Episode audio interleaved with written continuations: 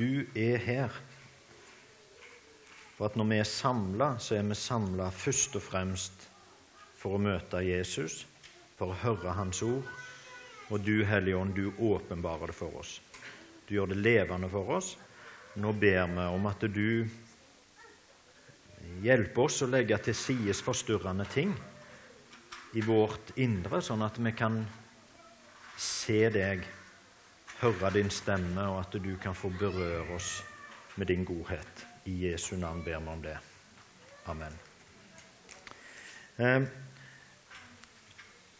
jeg eh, liker, som jeg sa, litt sånn der kanskje forenkla og enkle bilder som vi kan liksom sette eh, tru og trussannhetene våre inn i, sånn at det blir litt tydeligere. Eh, jeg, eh, for når det blir veldig mange ord, og særlig ord som du skal lese og som du skal forstå i sammenheng, så, så blir det litt komplisert for meg. Men hvis jeg kan se det for meg litt mer, og så putte ting inn i noen båser, så sånn fungerer mitt hode. Og dette, denne tanken om, som jo er en bibelsk tanke om Guds rike, og at når vi blir kristne, når vi blir frelste, når vi blir født på ny, så blir vi født inn i et nytt rike. En ny virkelighet. Det syns jeg er et fantastisk bilde. Og eh, Hvor noe forblir i den gamle. Vi forlater noe, for vi blir inn i en ny virkelighet. Eh, og jeg hadde tenkt å prøve å si noe om hvordan, hvordan er livet i den nye virkeligheten. Eh, og Ofte så snakker vi om livet i den nye virkeligheten, hvordan det er i forhold til Gud. Og det er, som han Kenneth sa, mennesker er viktige, og Gud er like viktig, eller de er like viktige, både men, andre mennesker og Gud, men av dem så er Gud allikevel viktigst. Da vil jeg tillate meg også snakke om den andre viktige part. Hva gjør det med vårt nye liv i vårt forhold til andre mennesker, i livet, i samlivet med andre mennesker. Og Jeg forsto at dere òg, det sist søndag eller tidligere, har snakket om tilgivelse. Eh, og det har jeg òg, for det var en sånn søndagstekst, og jeg hadde gudstjeneste om det.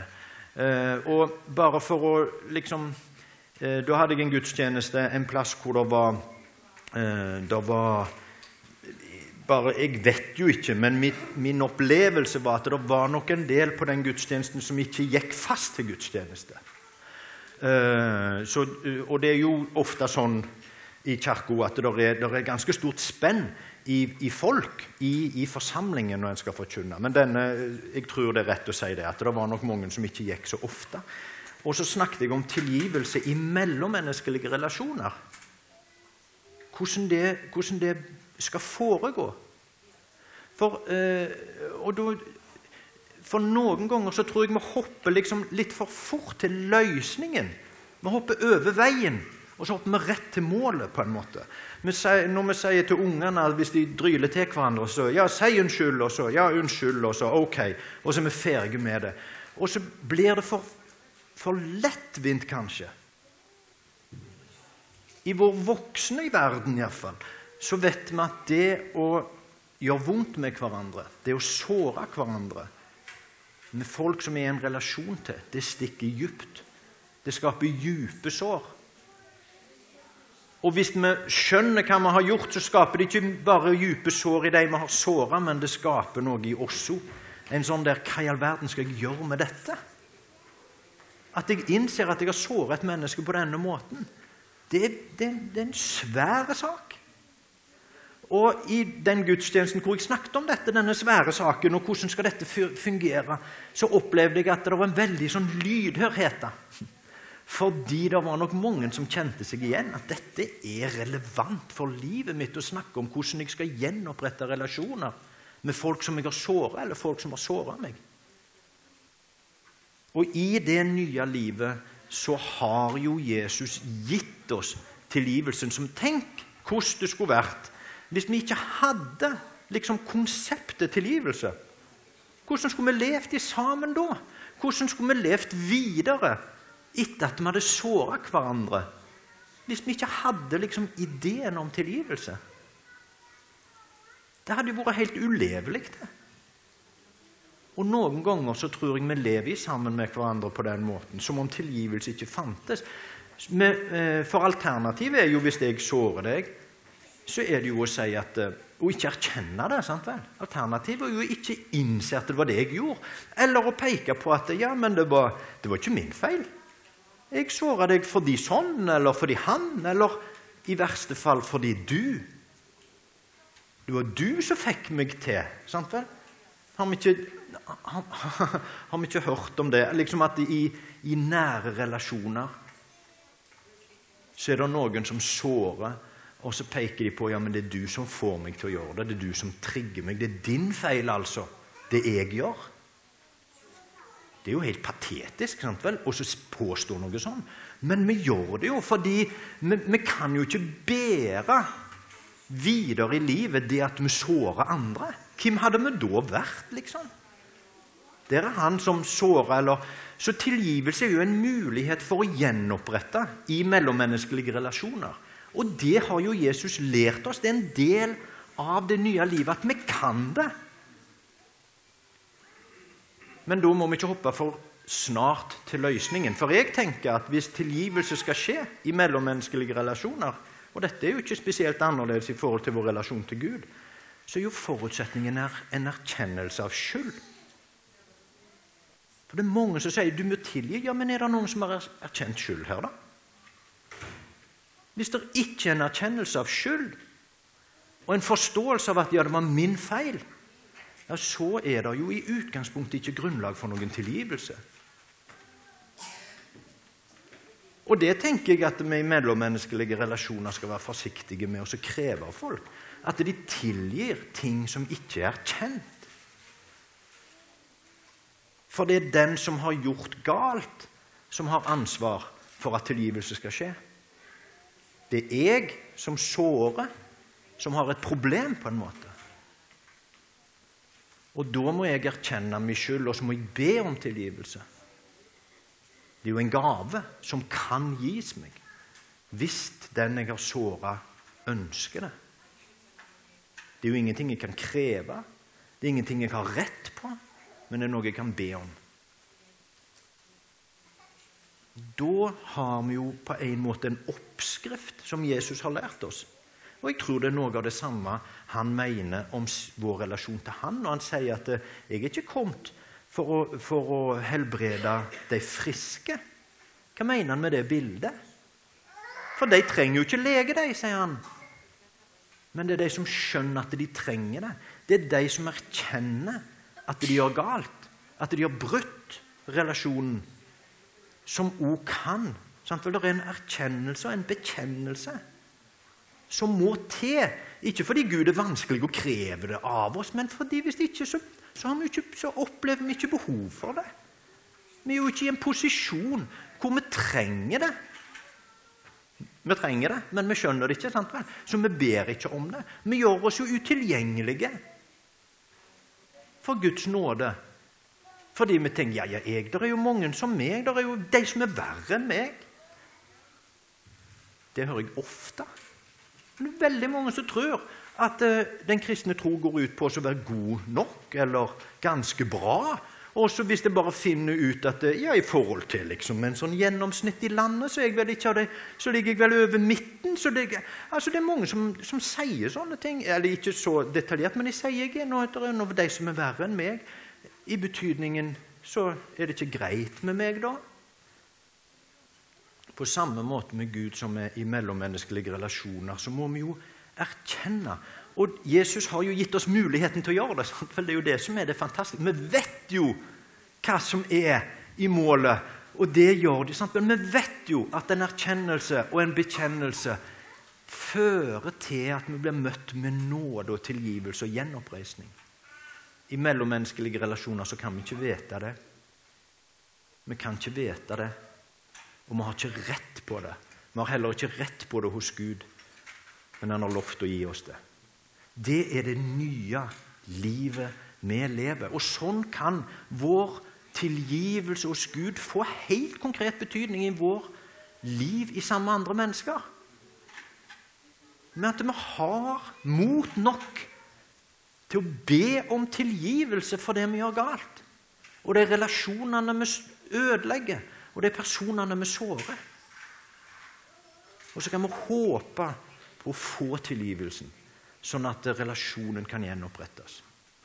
Så må jeg ha en liten parentes når jeg sier så tydelig at det må en erkjennelse til for at tilgivelse skal skje. Det er klart det er, det er jo i en sånn sjelesørgerisk sammenheng og en tanke om at en kan tilgi noen som ikke har erkjent noen ting. For sin del. For det å bli satt fri fra noe noen som har såra meg, skada meg, ødelagt meg på et eller annet vis, som ikke erkjenner skyld og ikke ber om tilgivelse, så kan det allikevel være et sånn sjelesørgerisk perspektiv at det, for at jeg skal kunne bli fri fra dette, så kan tilgivelse være et element. Men det er ikke da er det ikke en gjenopprettelse av en relasjon, men det er en, det er en frigjøring fra en som har gjort meg noe. Det er på en måte en litt sånn spesialtilfelle som har et sjelesørgerisk perspektiv. Men vi må ikke bruke det som mal på så si at vi som kristne heller i første rekke skal tilgi. Vi skal gjenopprette relasjoner. Og da er det en vei. Erkjennelse, bekjennelse, bønn om tilgivelse. Bot, om du vil. Sånn at relasjonen kan gjenopprettes. På samme måte så kan vi snakke om andre elementer i dette nye livet enn tilgivelse. Kjærlighet, f.eks. Hvordan ser den kjærlighet som vi er vist, og vi har inn i et nytt liv, hvordan ser da den kjærligheten ut? Hvordan skal den leves ut i vårt hverdagsliv, i relasjon til andre mennesker? Det står jo i 1. Korinterbrev 13 om den kjærligheten. Og den beskrives på en måte som vi tenker wow.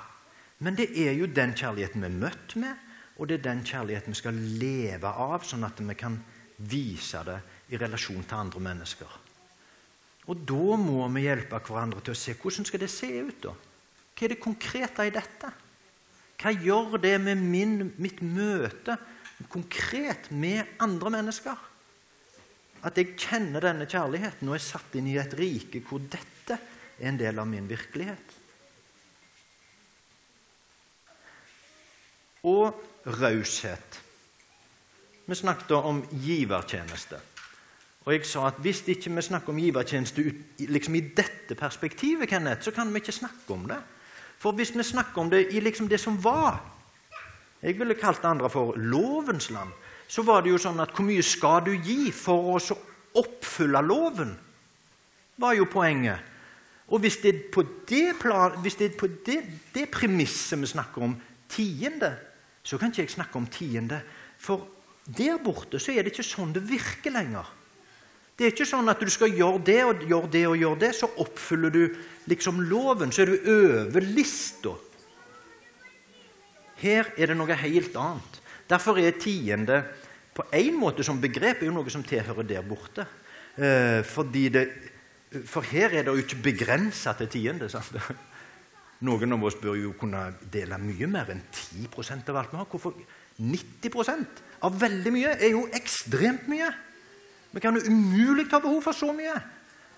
Sant vel? Så det, vi er jo satt fri til å se at i dette livet så er det ikke snakk om hvor grensa går. Vi er helt fri. Kan gjøre alt, sier Paulus. Kan gjøre hva du vil. Men det er jo ikke alt som gagner. Og det er jo et poeng. Hva gagner? Hva vil vi i det nye livet? Viljen vår endres jo. Ikke sånn med trylleslag.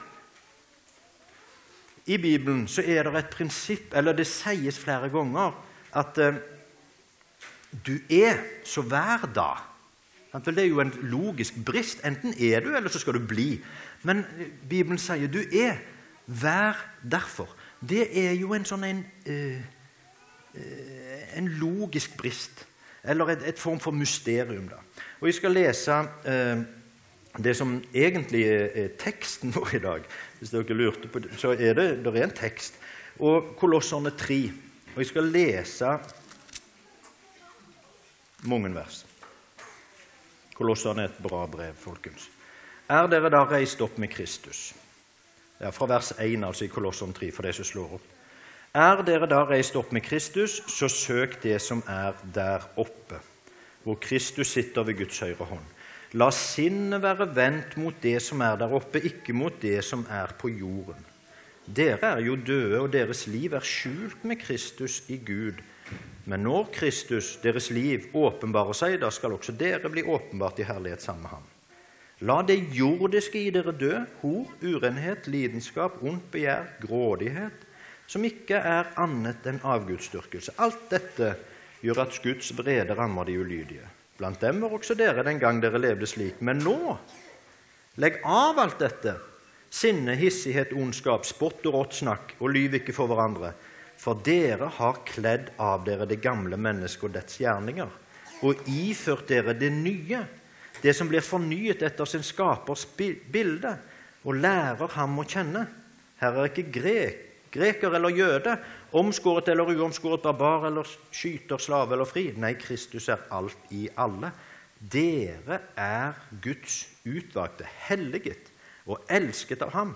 Kle dere derfor i inderlig medfølelse og vær gode, milde, ydmyke og tålmodige, så dere bærer over med hverandre og tilgir hverandre hvis den ene har noe å bebreide den andre. Som Herren har tilgitt dere, skal dere tilgi hverandre. Og over alt dette kle dere i kjærlighet, som er båndet som binder sammen og gjør fullkommen. La Kristi fred råde i hjertet, for til det ble dere kalt da dere ble én kropp, og vær takknemlige.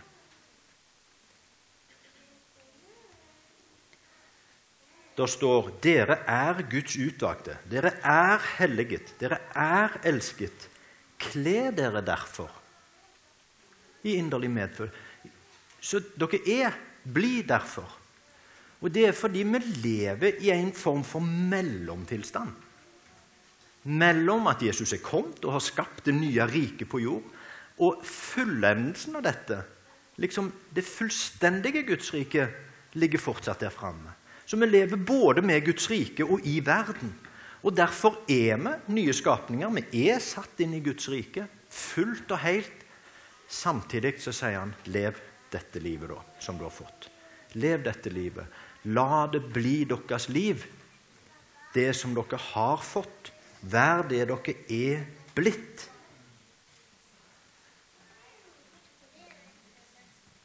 Vi skal elske hverandre.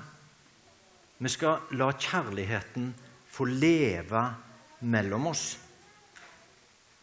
Og vi har snakket om eh, helt konkret liksom her med menighetene og, og, kontakten med hverandre. Og jeg må si jeg har vært ganske overraska over hvor mange eh, alle mulige folk som, som liksom har nesten stoppet meg og sagt det er så flott, det.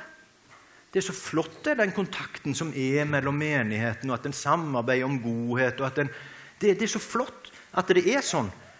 Eh, og Jeg har ikke noe godt svar på hvorfor det er egentlig, men, men veldig mange har liksom tenkt, fått med seg at det er det. Og, og så har et behov for å uttrykke at det er så flott. Eh, og det tenker jeg er bra. Eh, og det kan vi glede oss over. men vi er jo, som jeg og Kenneth snakket om, det er jo bare ett kristig legeme på denne jord. Så enten er vi en del av det nye livet, det er kristig legeme, eller så er vi det ikke. på en måte. Og, og som del av det nye Gudsriket, det legemet på jord, så har vi fått et oppdrag. Og det er jo det er liksom neste poeng, at det er dette nye livet her da, som vi er satt inn i og blitt en del av, det er jo det som kalles Jesu legeme. Kropp, altså. Hvor er Guds tempel i dag? Ja, det sitter her. Det sitter her. Det er jo oss. Jesus er jo ekstremt radikal. Når han i Lukas 10 sant, vel sender ut disiplene, så sier han når dere kommer en plass, så skal dere si Guds rike er kommet nær. Hva er det som har skjedd? Jo, de har kommet. Guds rike er kommet nær fordi de kom. Og han sier på akkurat samme måte Det er ingen liksom menn. Som far har sendt meg, sender jeg dere på, er lik. Ikke sånn tilnærmet lik, sånn der bølgete er lik, sånn bortimot på samme måte. Er lik. På samme måte er vi sendt. Og det er fordi når vi blir satt inn i dette, så blir vi en del av det som kalles Jesu kropp. Tenk på det! Tenk på det! At, for vi, vi, tenker jo at når vi går igjennom korset inn i det nye riket, så går vi til himmelen, på en måte. Sånn, at vi går igjennom det som fører oss til himmelen når vi dør. Og det gjør det, men det er jo noe imellom der. Og imellom der så fører det oss inn i å bli Gud på jord. Tenk et lite sekund på det. At vi blir Gud på jord. Da blir jo tjeneste i betydningen, den gamle betydningen at vi burde gjøre noe for Gud, sånn at han blir fornøyd. At, og du bør i alle fall bruke så mange timer i uka i menigheten for at det skal være liksom innafor en viss sånn? Tienden. Det er jo helt annerledes her. Helt annerledes. Og Det er jo ikke dermed sagt at vi skal bruke alle timer i uka i menigheten, men hele livet vårt så er vi en del av Jesu legeme. Alt vi gjør, gjør vi som del av Jesu legeme. Det er jo ganske alvorlig med de tingene vi gjør som vi ikke burde gjort. Og så er det ganske utfordrende med hva er Jesu legeme sitt oppdrag på jorda. da? Har, har, vi noe vi skulle ha gjort her, liksom? Er det noe Gud ville ha gjort i denne verden? Det tror jeg. Det tror jeg. Og han har, som du Kenneth sa, kanskje ikke så lett alltid for oss å forstå det, valgt å bruke mennesker til å gjøre det i all, all hovedsak. Mennesker. Vi ber til Gud, og han svarer med mennesker i de aller fleste tilfeller. Noen ganger så snarer han på litt mer sånn som en engel, gjerne, eller at en gjør det litt mer spektakulært. Men i de aller fleste tilfeller så svarer han med mennesker. Og det er oss. Det er disse menneskene han svarer med. Og jeg tror jo at vi har et oppdrag, da. Og jeg utforsker litt for tida nettopp dette med hva betyr trua i det daglige og mellommenneskelige. Vi snakket om tilgivelse. Og jeg har òg liksom utforska litt det med menneskers åndelige opplevelser, for det er ganske mange som har. Og jeg er jo i den heldige situasjonen at jeg har sånn samtaler sant vel, med folk som skal døpe barnet sitt, eller de skal gifte seg, eller, eller i forbindelse med en gravferd. Eller. Og jeg har noen ganger kommet inn på det med åndelige opplevelser. Og Det er jo mange som er veldig sånn åndelige. Åndelige, altså de, de, er opptatt av mange ting og stjernetegn og masse rare ting. Og så har det mange opplever åndelige opplevelser. Og hvis de stoler på meg og skjønner at jeg faktisk vil høre det, så forteller de det til meg òg.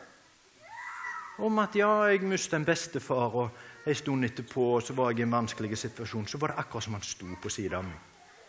Mange har sånne opplevelser. At noen som de savner, noen som er gått bort, så føler de de er der, eller de et eller annet. Og En sånn refleks hos meg vil jo kanskje være å korrigere det. Nei, nei, det er ikke sånn. De går ikke igjen. og det er ikke, sant vel, At vi skal korrigere det i forhold til, eh, til liksom en sånn eh, kristen eh, Det er jo mennesker som av og til liksom litt sånn forsiktig spør er det sånn at du som prest i kirka Det er noe som skjer i huset vårt. Det er mange som er opptatt av det. Ting som skjer i huset. Liksom, hva tenker Kirka om det? De, de, vet ikke helt om de tør å spørre. Jeg har vært på flere hus og bedt for huset. jeg. Ikke fordi jeg på en måte tenker at ja, sånn er det, der bor ånder i huset, sånn, men jeg vil jo møte mennesker i deres åndelighet. Og så, hva, hva er det som skjer da?